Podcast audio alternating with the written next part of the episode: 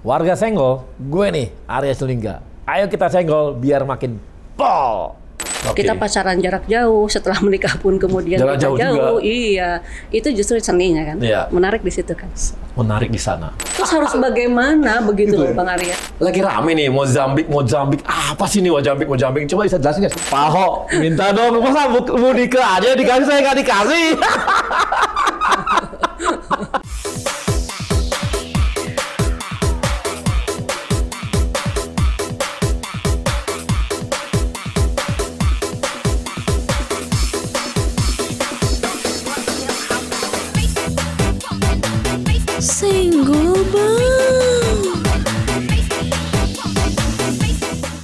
Episode kali ini kita akan senggol yang lagi-lagi disenggol oleh warga dari kemarin dan bahkan udah rame disenggol oleh media-media nih. Nah, langsung aja nih kita kedatangan dirutnya perusahaan BUMN yang paling besar di Indonesia, Mbak Nike. Halo Mbak Nike. Ya. Selamat siang. Siang Bang Arya. Ini Mbak Nike ini saya kagum banget ya. Kok bisa gitu hidup di industri yang isinya laki-laki semua gitu. Mayoritas itu laki-laki semua gitu dan memimpin para laki-laki jagoan gitu loh. Gimana sih, Mbak? Ininya kok bisa gitu, kok mampu gitu ngelola mereka gitu. Ya, menarik karena eh, sebetulnya malah lebih solid ya. Oh, lebih solid. Lebih Ah, solid. Karena eh, kerjasama ini sebetulnya kan ya lintas gender. Oke. Jadi karena industrinya juga male dominated Oke. sehingga sebagai seorang perempuan, sebagai seorang ibu, sebetulnya lebih mudah sih Oh gitu ya? membuat Maksudnya mudah? para bapak-bapak, para cowok-cowok ini solid. Ibu-ibu di rumah kan juga yang me- mengkonsolidasi semuanya kan, Oh, gitu. pengalaman sebagai ibu-ibu. Oh, jadi pengalaman ibu-ibu nih. Jadi, nah tapi kan nggak hanya di Pertamina ya Mbak. Dulu kan sebelumnya di Reking gitu. Reking itu kan juga 90% Iya. Laki-laki dan Iya. orang lapangan semua gitu. Iya, iya. Jadi dulu malah di project. Nah, Jadi di saya di project. project side. Nah. Jadi manjat-manjat uh, Nah. peeling tower gitu Ca- ya. Cantik ini bisa banyak manjat Bu. Eh, iya, manjat-manjat karena di lapangan kan. Heeh. Eh, di PLN juga sama kan, male dominated. Iya. Jadi ya sudah terbiasa gitu. Eh, dan itu menyenangkan sekali. Menyenangkan menaklukkan pria-pria gitu maksudnya. Pekerjaannya itu Oh, dinamis. pekerjaannya. Dinamis sekali. Oke. Dan saya banyak belajar dari dari semuanya. Oke. Dinamis sekali. nah, atau ini ada sangkut pautnya karena dulu kuliah di ITB kali Bu yang isinya laki-laki semua? Iya, iya. Jadi kita sudah terbiasa. Tapi dulu pertama kali bekerja itu di bank dan Di itu bank. ladies bank. Oh. Jadi semuanya itu perempuan. Perempuan. Jadi itu malah kebalikannya Ah. gitu. Dan eh, tapi di, di kampus kan juga Ya. eh, male dominated juga. Jadi kita sudah terbiasa. Tapi eh, sebetulnya saya sih merasakan nggak ada bedanya ya.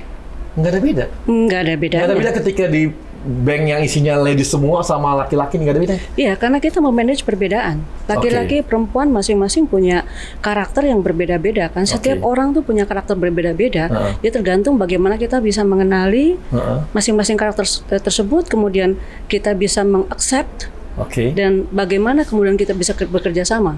Oke. Masing-masing punya kelebihan, kekurangan. Nah, bagaimana kita mengelola itu semua. Jadi yang menarik. Menarik.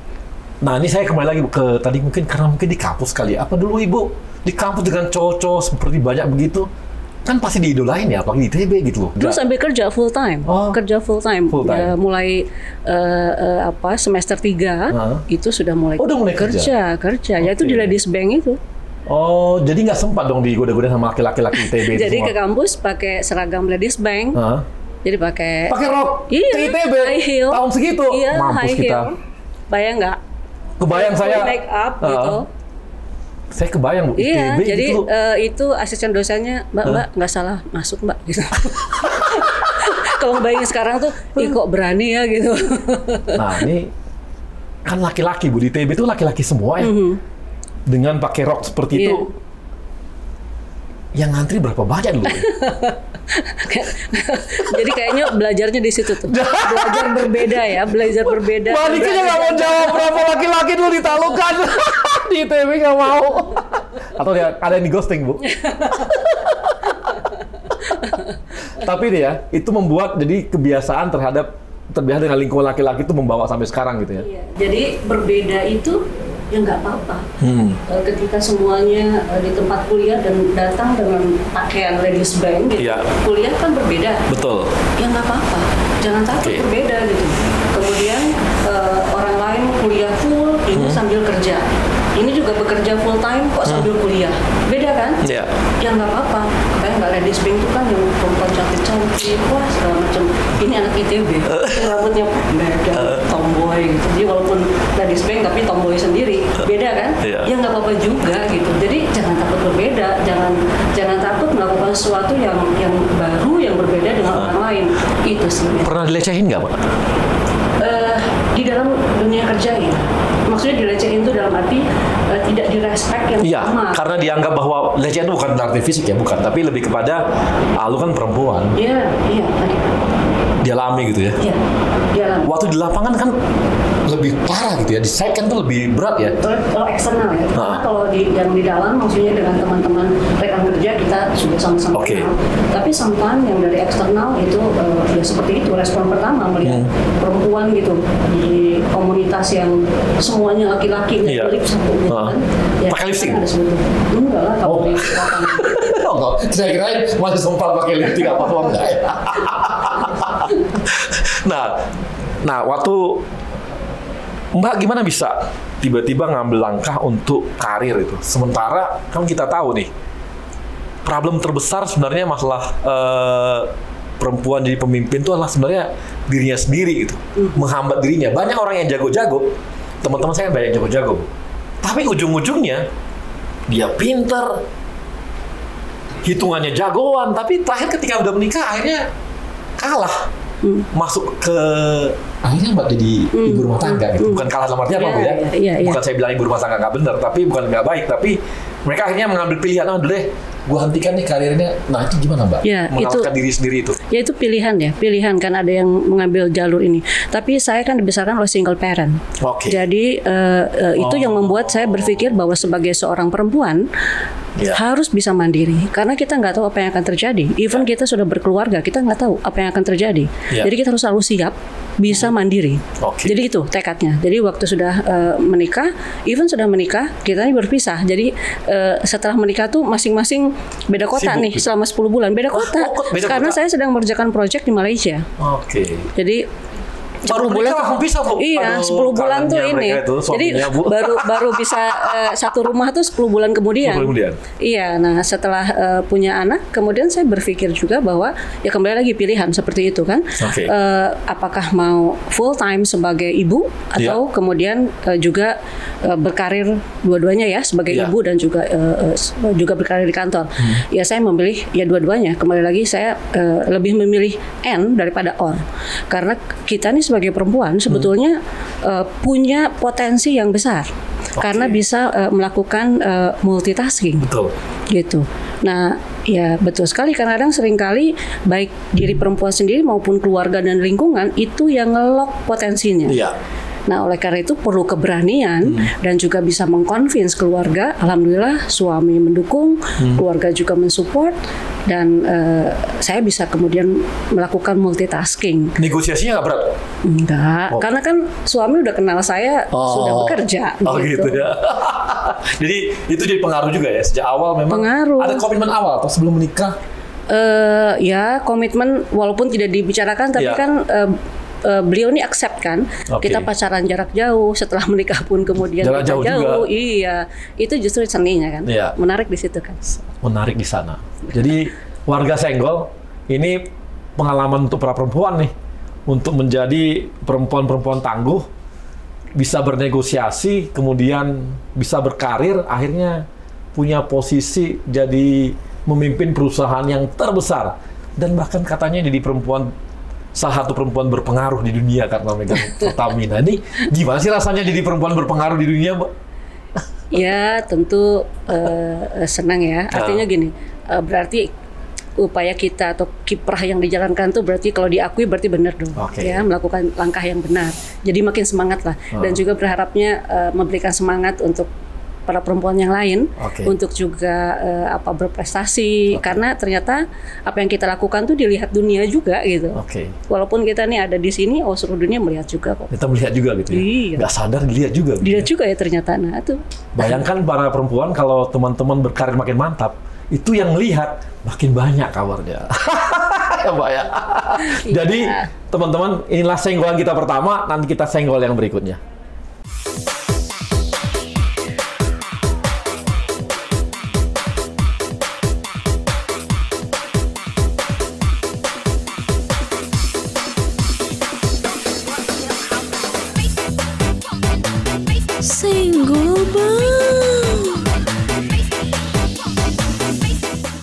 Nah, warga senggol kita akan senggol yang sekarang lagi rame. Kemarin tuh rame di media-media juga. Dan senggolan pertama untuk Mbak Nike ternyata disenggol oleh warganya sendiri.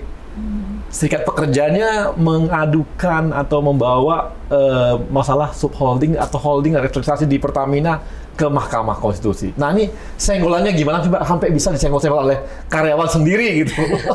ya mungkin masalah pemahaman ya. Oke. Pemahaman bagaimana memahami dari aspek hukum gitu Ya. holding subholding ini ya ya nggak apa-apa. Itu Hmm. kan eh, itu hak sebagai warga Indonesia untuk eh, apa mendapatkan suatu eh, langkah hukum gitu Ya. melakukan itu ya kita kita juga harus eh, eh, apa namanya ya ikuti saja gitu Ya. dan alhamdulillah kan hasilnya Ya, menang. jelas ya, Ya. jelas kan terang benderang Ya. bahwa apa yang dilakukan ternyata tidak Menyalahi. tidak menyalahi gitu ya eh, konstitu eh, tidak Konstitusi. secara konstitusional itu tidak berlawanan Iya. eh, dan ini bisa dijalankan setet- eh, di- kita bisa lanjutkan eh, agenda transformasi ini Oke. dan tidak bertentangan dengan konstitusi yang ada. Emang apa sih ini kerjaan Pertamina Bu dengan holding dan subholding itu apa sih di situ gitu? Apa sih yang berubah gitu? ya yang berubah ya. Kita gam- gambarkannya secara mudah aja ya. Ya. Jadi kalau dulunya ini ini kapal induk yang besar, semuanya Oke. dikerjakan sendiri tuh, hulu, kilang, eh, kemudian jualan BBM gitu, Oke. Eh, kapal semuanya dikerjakan sendiri. Sekarang ini kita bagi-bagi Oke. supaya lebih fokus. Ada yang mengerjakan hulu, mengerjakan kilang, ada mengelola kapal, kemudian ada yang mengelola gas, Hmm. ada yang new and renewable energy dan juga ada yang hilir, Hmm. yang jualan BBM dan LPG gitu. Nah itulah enam subholding yang kita bentuk. Jadi mereka fokus di operasional.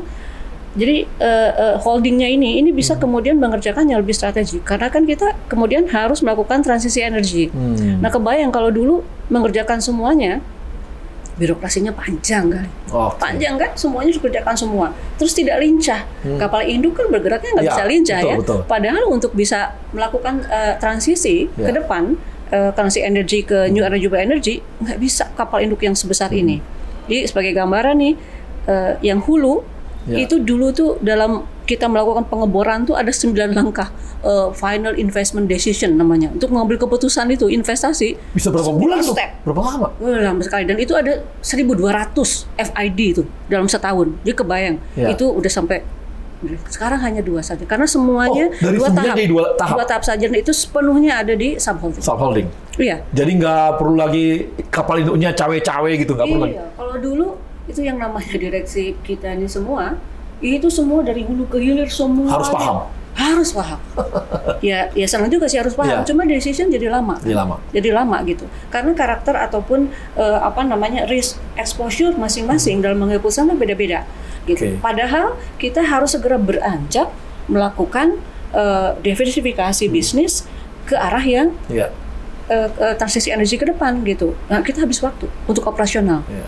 Sekarang ketika semuanya sudah diturunkan ke bawah di Hmm. operasional kita bisa kemudian melakukan langkah-langkah yang lebih strategis Hmm. untuk eh, terobosan ke depan Jadi ini kalau dulu Pertamina itu kapal induk sendirian gitu ya. iya Kalau sekarang kita pecah-pecah ada Pecah-pecah, frigatnya, ada iya. ininya, ada ininya gitu ya. Nah ini yang kemudian sekarang setelah dipecah-pecah ini, ini yang akan dibesarkan. Jadi masing-masing kemudian akan menjadi kapal yang Oke. kapal yang besar, yang eh, eh, apa namanya modern, Ya. karena kan akan menerapkan digitalisasi. Betul. Gitu. Dan ini akan lincah, Oke. lincah kemudian eh, fokus di bidangnya menerapkan teknologi-teknologi. Iya. Karena kan eh, Kementerian BUMN menerapkan harus apa teknologi teknologi leadershipnya harus Ya. naik. Kemudian bisnis model innovation, Oke. melakukan bisnis model bisnis model yang baru Hmm. dan juga kemudian mengembangkan talent-talent yang baik. Baru. Jadi Itu semua kita jalankan. Masing-masing beda-beda kan. Nah, jangan-jangan jangan-jangan Mbak dari sembilan langkah jadi dua langkah ini kan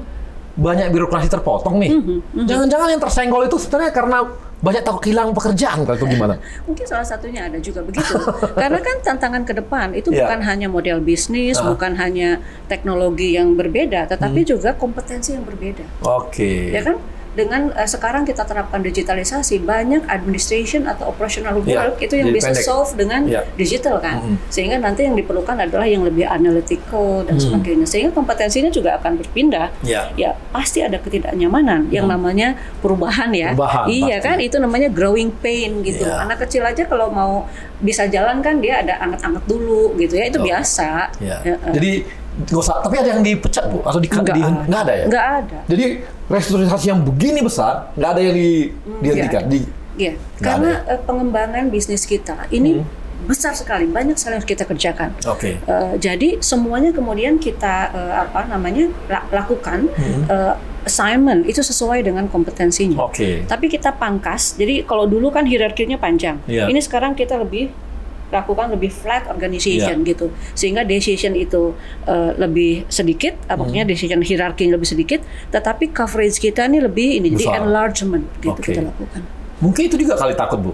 Dari kerjaannya dulu A tiba-tiba harus kerjain yang lain gitu.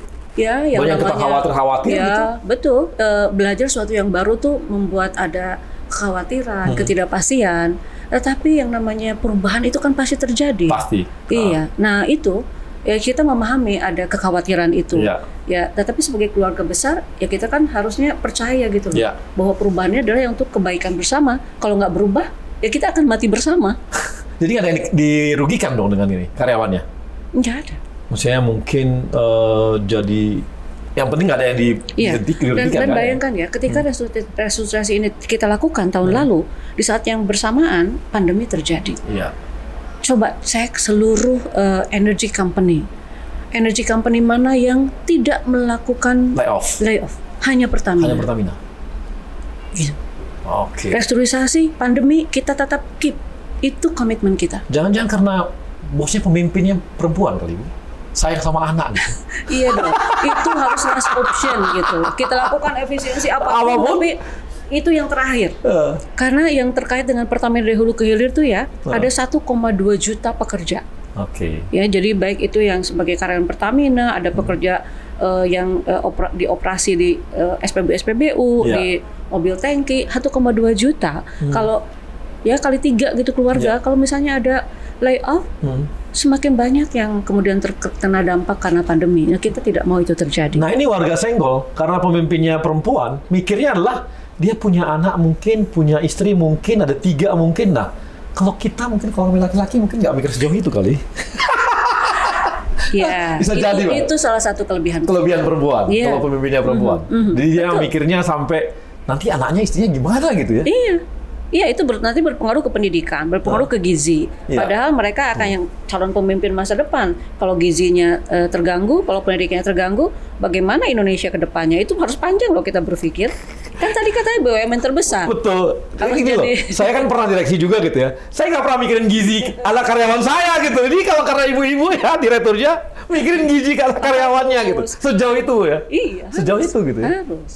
harus. Oke, ini warga Senggol jadi jelas ya bahwa eh, ternyata eh, restrukturisasi atau perubahan di Pertamina ini membuat memang jadinya semua lebih eh, desentralisasi bu ya, Iya. desentralisasi semakin banyak yang dibesarkan, dikembangkan, holdingnya justru semakin simpel, lebih kepada strategis kalau gitu ya. Iya, betul, betul. Dan gak ada korban di sana gitu ya. Dan satu lagi, warga Senggol ternyata satu-satunya perusahaan energi yang nggak ada layoff sepanjang corona ini, ini Pertamina loh. Kurang keren apa lagi coba? Dan kita akan senggol lagi berikutnya. Yuk.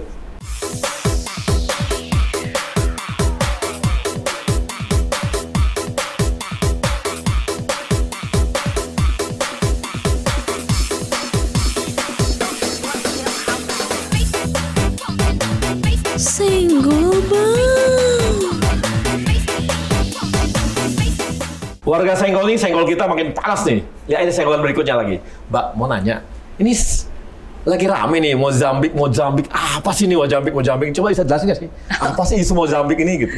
Ya, itu LNG, kontrak LNG, pengadaan LNG jangka panjang. Jangka ya. panjang. Kan Pertamina itu yang bergerak di oil and gas. Oke. Nah, gas itu kan ada gas yang dari sumur, ada gas yang dari LNG. Hmm. Oke. Karena sumur itu kan dia punya keterbatasan. Kalau cadangannya sudah mau habis kan habis itu. Betul. Padahal pasokan gas itu kan tidak boleh berhenti. Ya. Kalau untuk industri, untuk rumah tangga tidak boleh berhenti. Oleh karena itu, karena Pertamina sebagai gas agregator, salah sat- satu-satunya perusahaan milik negara Ya. yang mengelola gas. Oleh karena itu, untuk cadangannya selain dari sumur, kita juga harus punya kargo LNG Oke. yang nantinya akan diproses, diregasifikasi untuk mengganti eh, cadangan gas yang dari sumur yang sudah habis. Sudah gitu. habis, oke. Nah, LNG ini karakternya adalah dia harus long term karena perusahaan-perusahaan yang eh, membangun eh, industri LNG ini dia Hmm. perlu kepastian juga. Oke. Nah, di sisi lain kalau kita li- kita lihat neraca gas Indonesia Hmm. ini akan terjadi shortage ya kalau Oh, jadi bakal turun ya? bakal turun karena Kapan ya? ada supply demand. Kembali lagi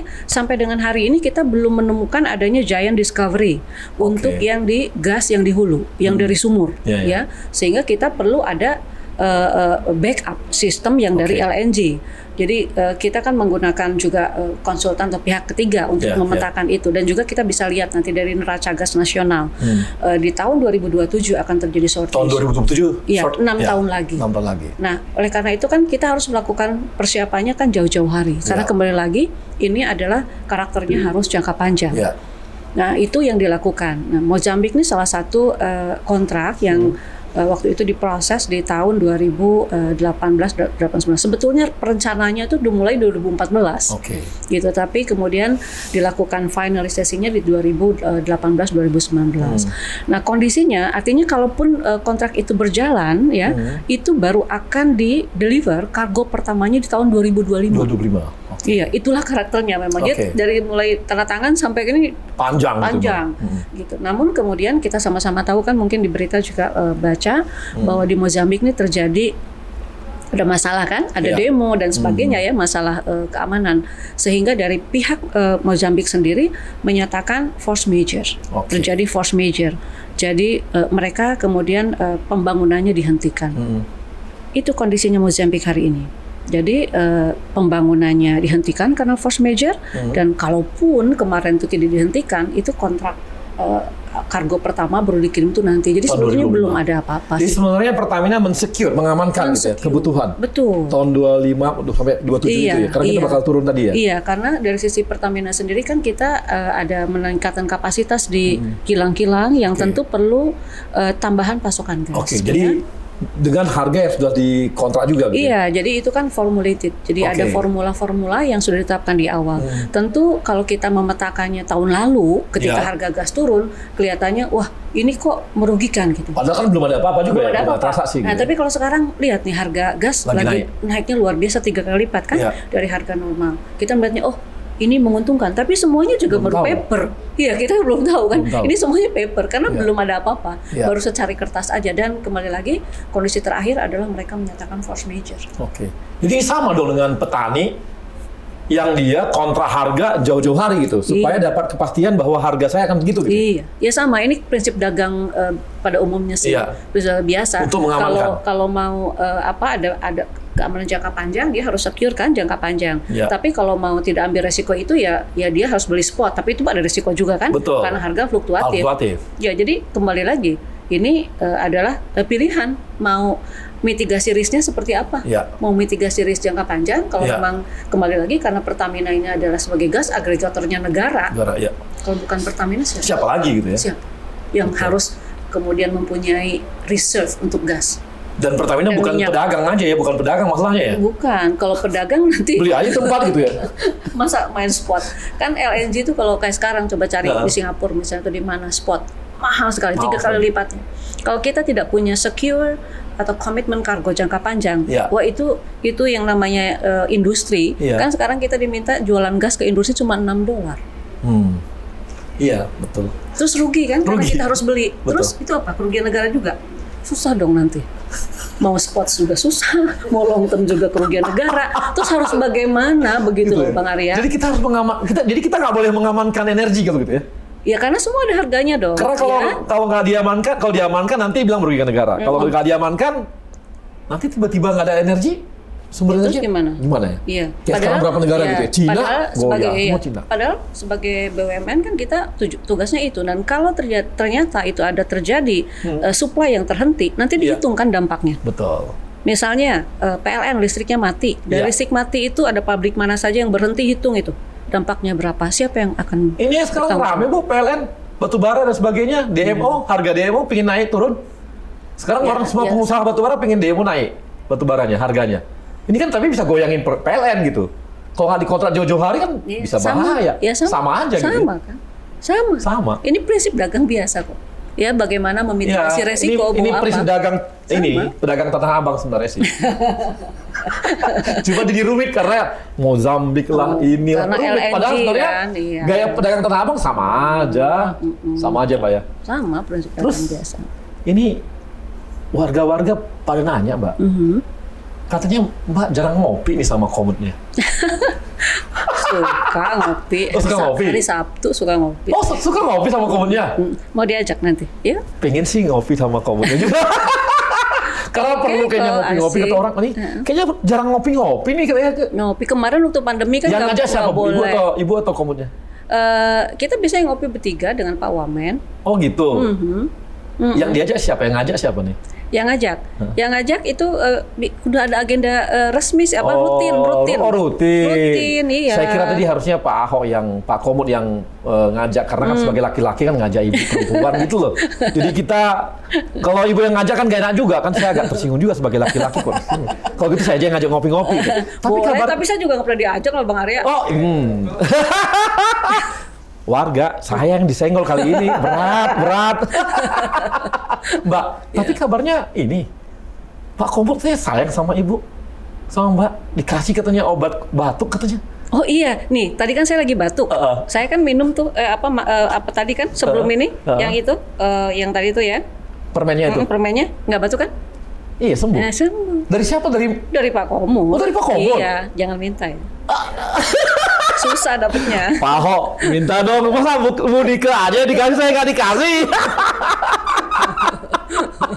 Oke, Mbak Nika, terima kasih. Ini udah berapa menit kita jalan dan warga Senggol ini senggol-senggolan kita tadi sudah selesai dan cukup mudah-mudahan bisa menjawab keingintahuan dari warga Senggol dan tentunya media-media yang ingin tahu banget mengenai senggol-senggolan ini. Yuk, sampai ketemu di senggol-senggol berikutnya bersama Bang Senggol.